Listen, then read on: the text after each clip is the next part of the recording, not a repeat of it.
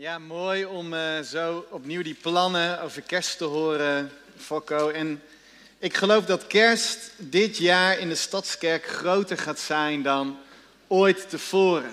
Wat is het prachtig om die plannen te horen. Oh ja, ik zie al wat beweging, heel goed. De tieners mogen inderdaad naar het koffiehuisje voor hun eigen tienerpreek.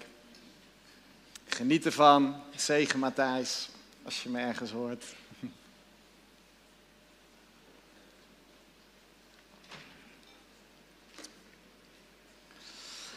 Maar kerst vieren we dit jaar groter als ooit tevoren. En jullie hebben inmiddels natuurlijk gehoord van uh, de extra kerstnachtdienst, van de extra kerstfamiliedienst. En we willen daarin weer uitpakken zoals jullie van ons gewend zijn. En niet omdat we kerst nou zo bijzonder vinden.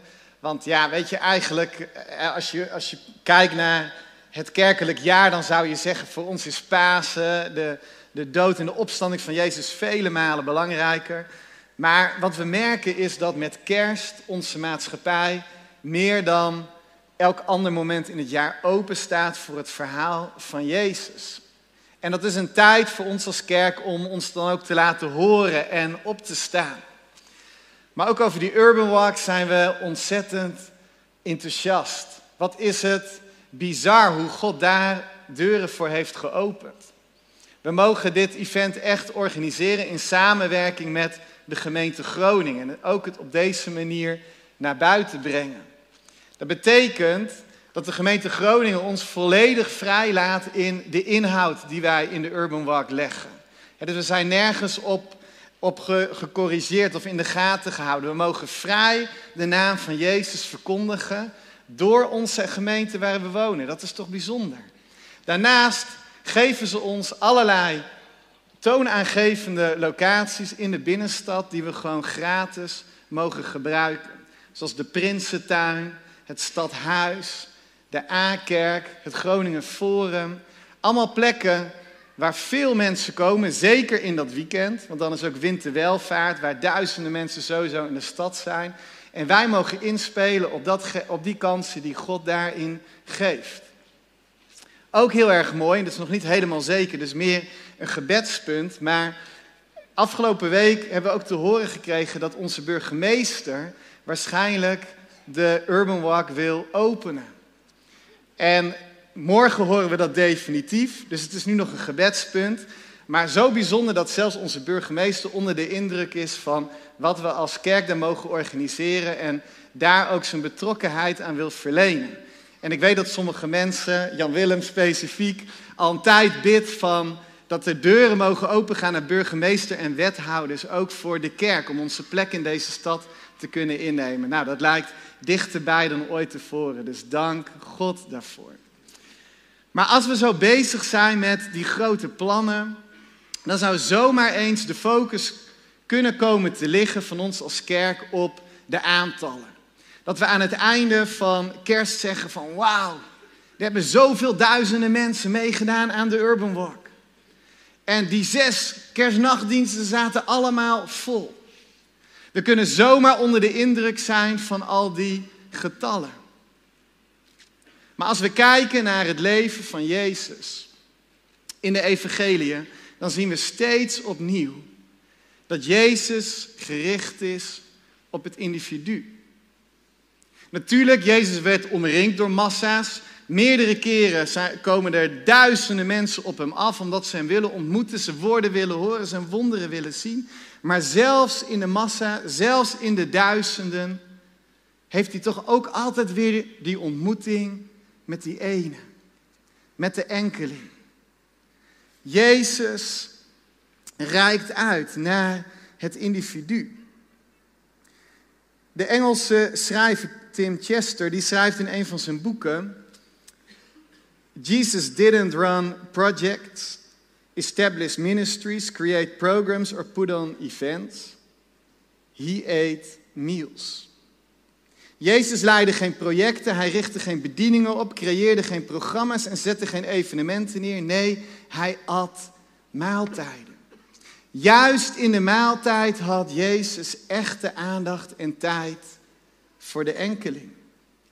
Aan de tafel gebeurde het. Daar demonstreerde Jezus keer op keer het koninkrijk van God. Zouden wij niet gewoon veel meer moeten eten? Ik hoor amen. Ik zie wat hongerige blikken. Ja, laten we dat gaan doen. Dit wordt een populaire preek, ik voel het nu al.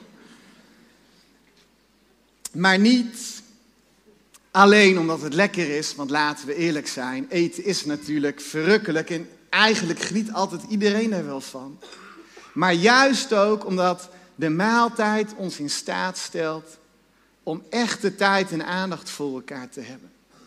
Om ons op een diepe manier met mensen te kunnen verbinden. En begrijp me niet verkeerd, ik probeer hier niet in deze preek onze eigen plannen omver te gooien. Van die grote diensten, die Urban Wax, allemaal niet nodig. Laten we alleen oog hebben voor het individu. Nee, ik geloof juist dat deze twee elkaar kunnen versterken. Als we ons hart laten raken door die ene, ook in het grote, als we die ene mee kunnen nemen juist naar dat grote, dan kunnen ze prachtig hand in hand met elkaar gaan. Laten we daarin leren van Jezus. Ben jij bereid om net als Jaap voor deze kerst jouw buurman echt te zien en hem uit te nodigen? Of je collega's, je vrienden, je familieleden. Om niet kerst te beleven voor jezelf, maar het juist aan te grijpen als een missionaire kans om mensen te brengen aan de voeten van Jezus. En dat kan juist heel mooi aan de eettafel. Aan de eettafel kun je mensen uitnodigen. Ga een keer met me mee. Aan de eettafel kun je napraten over wat je net beleefd hebt. En horen wat ze daarover te vertellen hebben. En we zien in het leven van Jezus dat hij veel eet. En nu zou je kunnen denken van nou, dit voelt een beetje als een minder geestelijke boodschap. Moeten we het nou echt gaan hebben over samen eten? Nou, de Bijbel noemt gastvrijheid gewoon in het rijtje van gaven van de Heilige Geest. Gastvrijheid is niet minder geestelijk dan profiteren of zieken genezen. Het is iets wat de Heilige Geest in ons moet doen, want het komt niet vanzelf.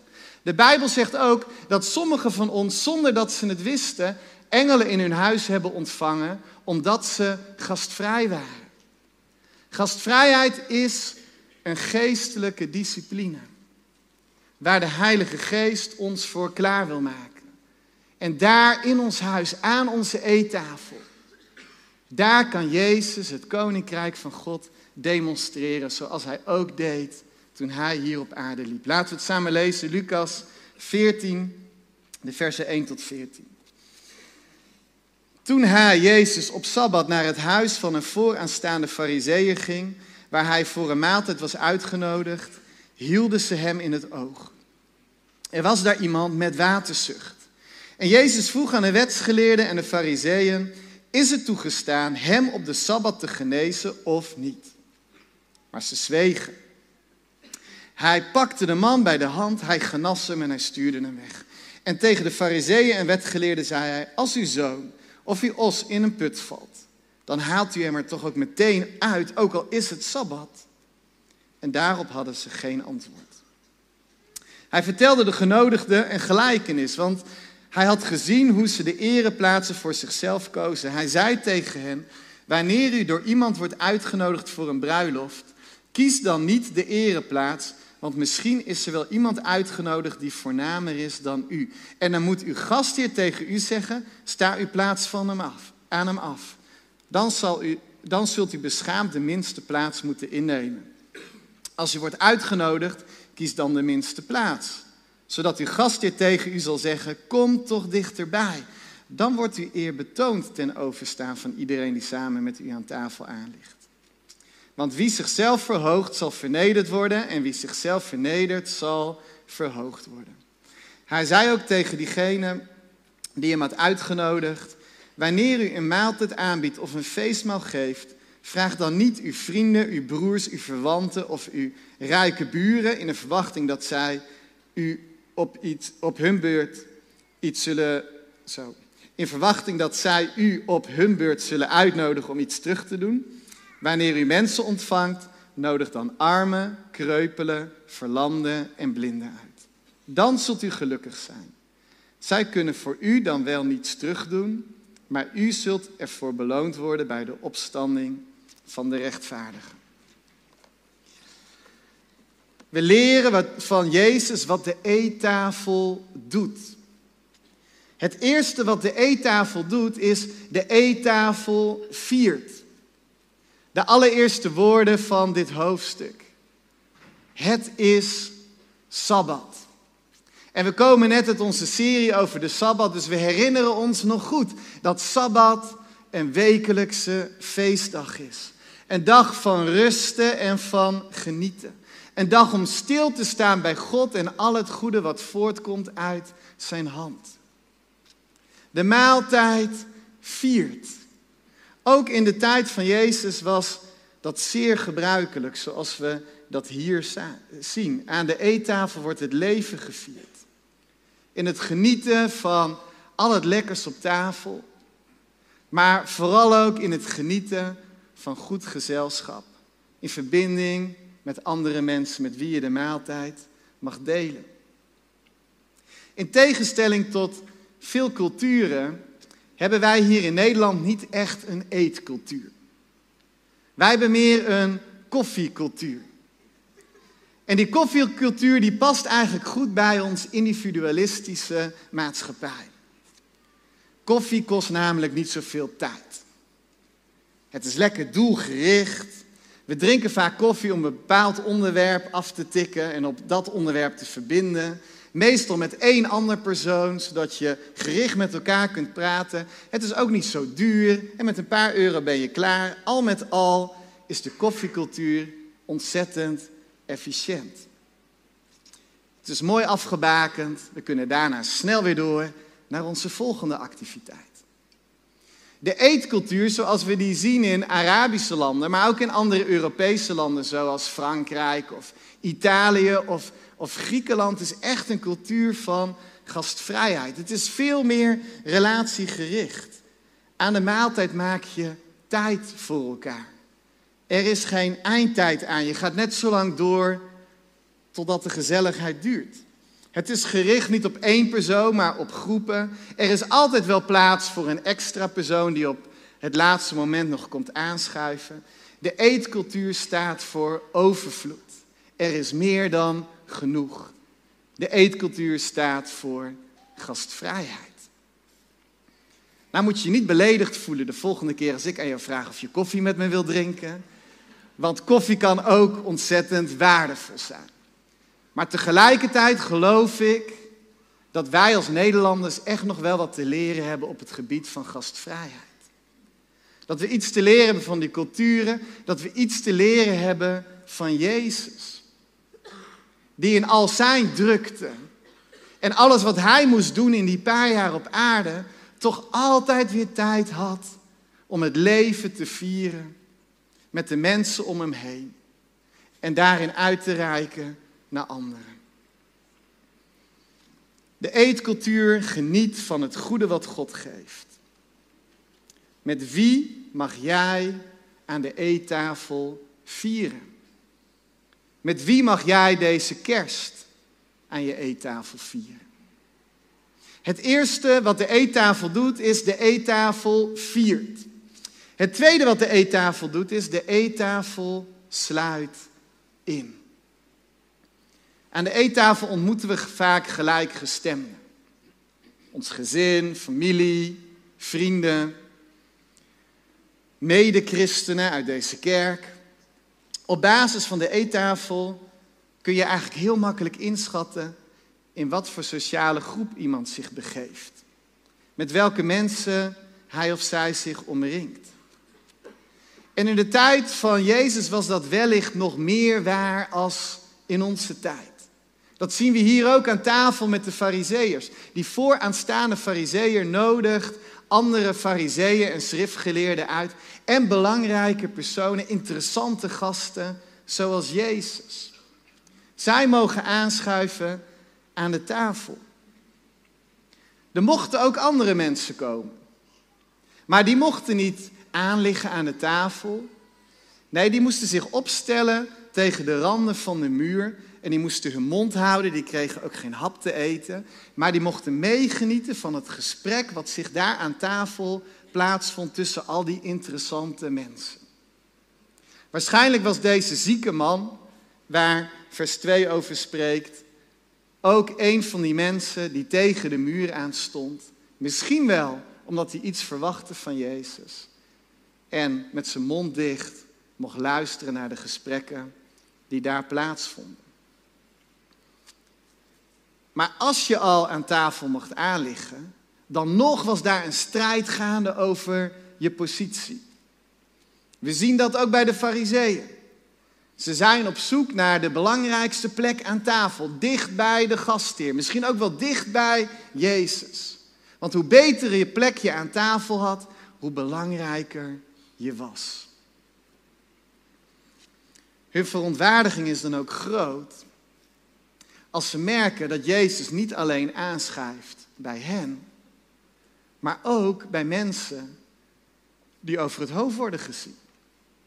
Mensen die in de maatschappij niet meetellen. Dat hij de maaltijd deelt met prostituees, met tollenaars, met zondaars. Een aantal hoofdstuk, hoofdstukken eerder zijn het ook de fariseeën die dan, die dan ook aan Jezus vragen: waarom eet en drinkt u met tollenaars en zondaars? Waarom stelt u zich gelijk? Door te eten met deze zondige mensen stelde Jezus zich op één lijn met hen. Hij verbond zich aan hen. Hij werd gelijk aan hen door de maaltijd te delen. Het spreekwoord met wie je omgaat, daar word je mee besmet. Dat gold in die tijd des te meer. Maar Jezus is niet bezig met zichzelf of wat de maaltijd hem kan brengen. Hij ziet de acceptatie. Hij ziet de omhelzing. Hij ziet de genezing die de eettafel kan brengen aan anderen.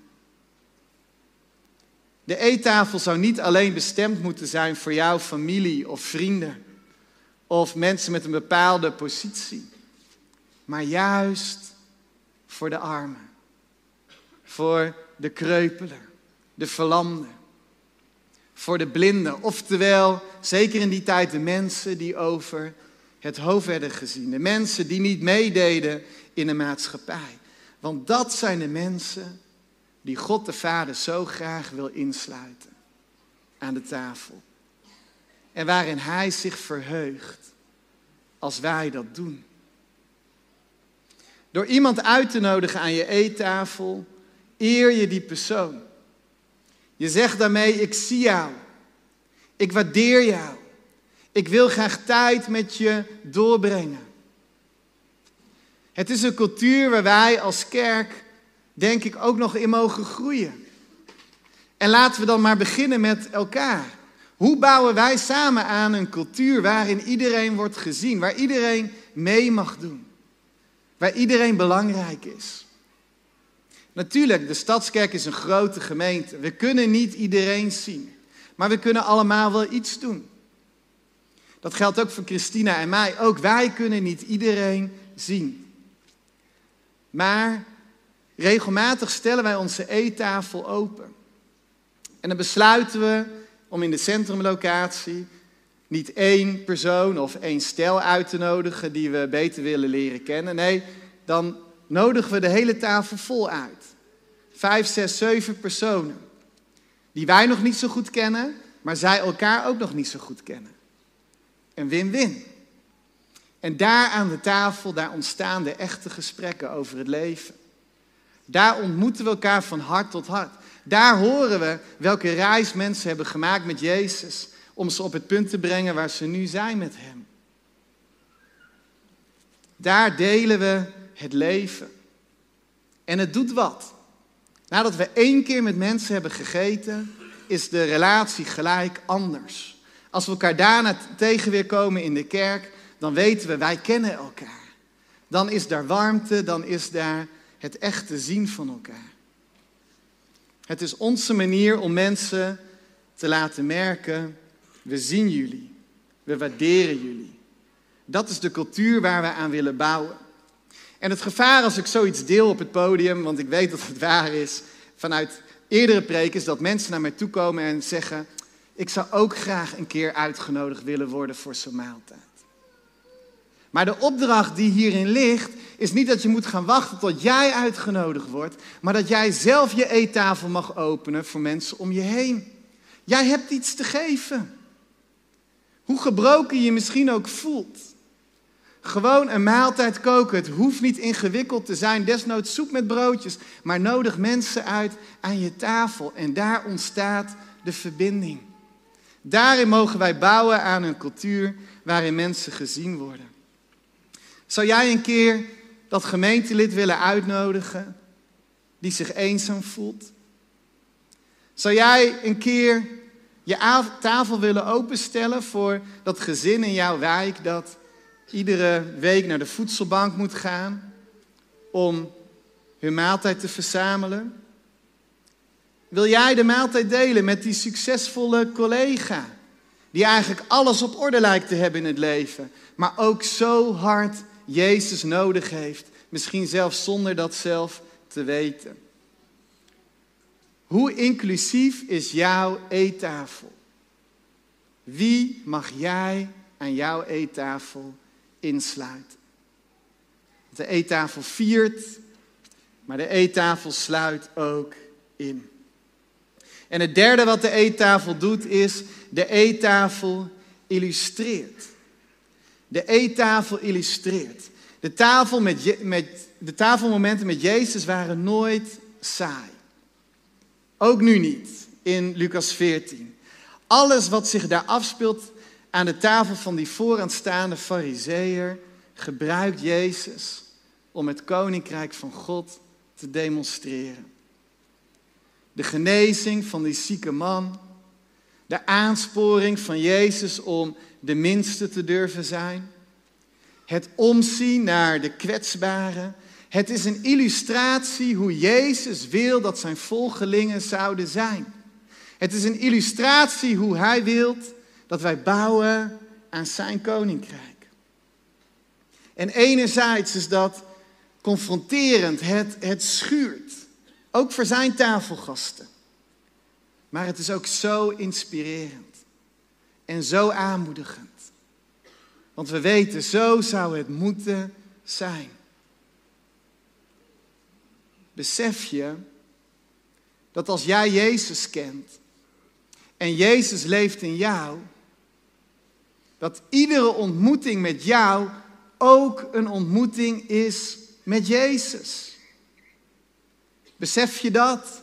Als je gaat naar je opleiding, als je gaat naar je werk, dat ieder contact met iedere collega, met iedere studiegenoot, is voor hun een ontmoeting met Jezus in jou. En juist aan de eettafel, waar je tijd en aandacht hebt voor mensen, wordt Jezus ten volle zichtbaar door jou heen. Jij bent een illustratie voor mensen van wie Jezus is. Hun kijk op het geloof, op de kerk, op Jezus zelf, wordt bepaald door wat mensen zien in jou.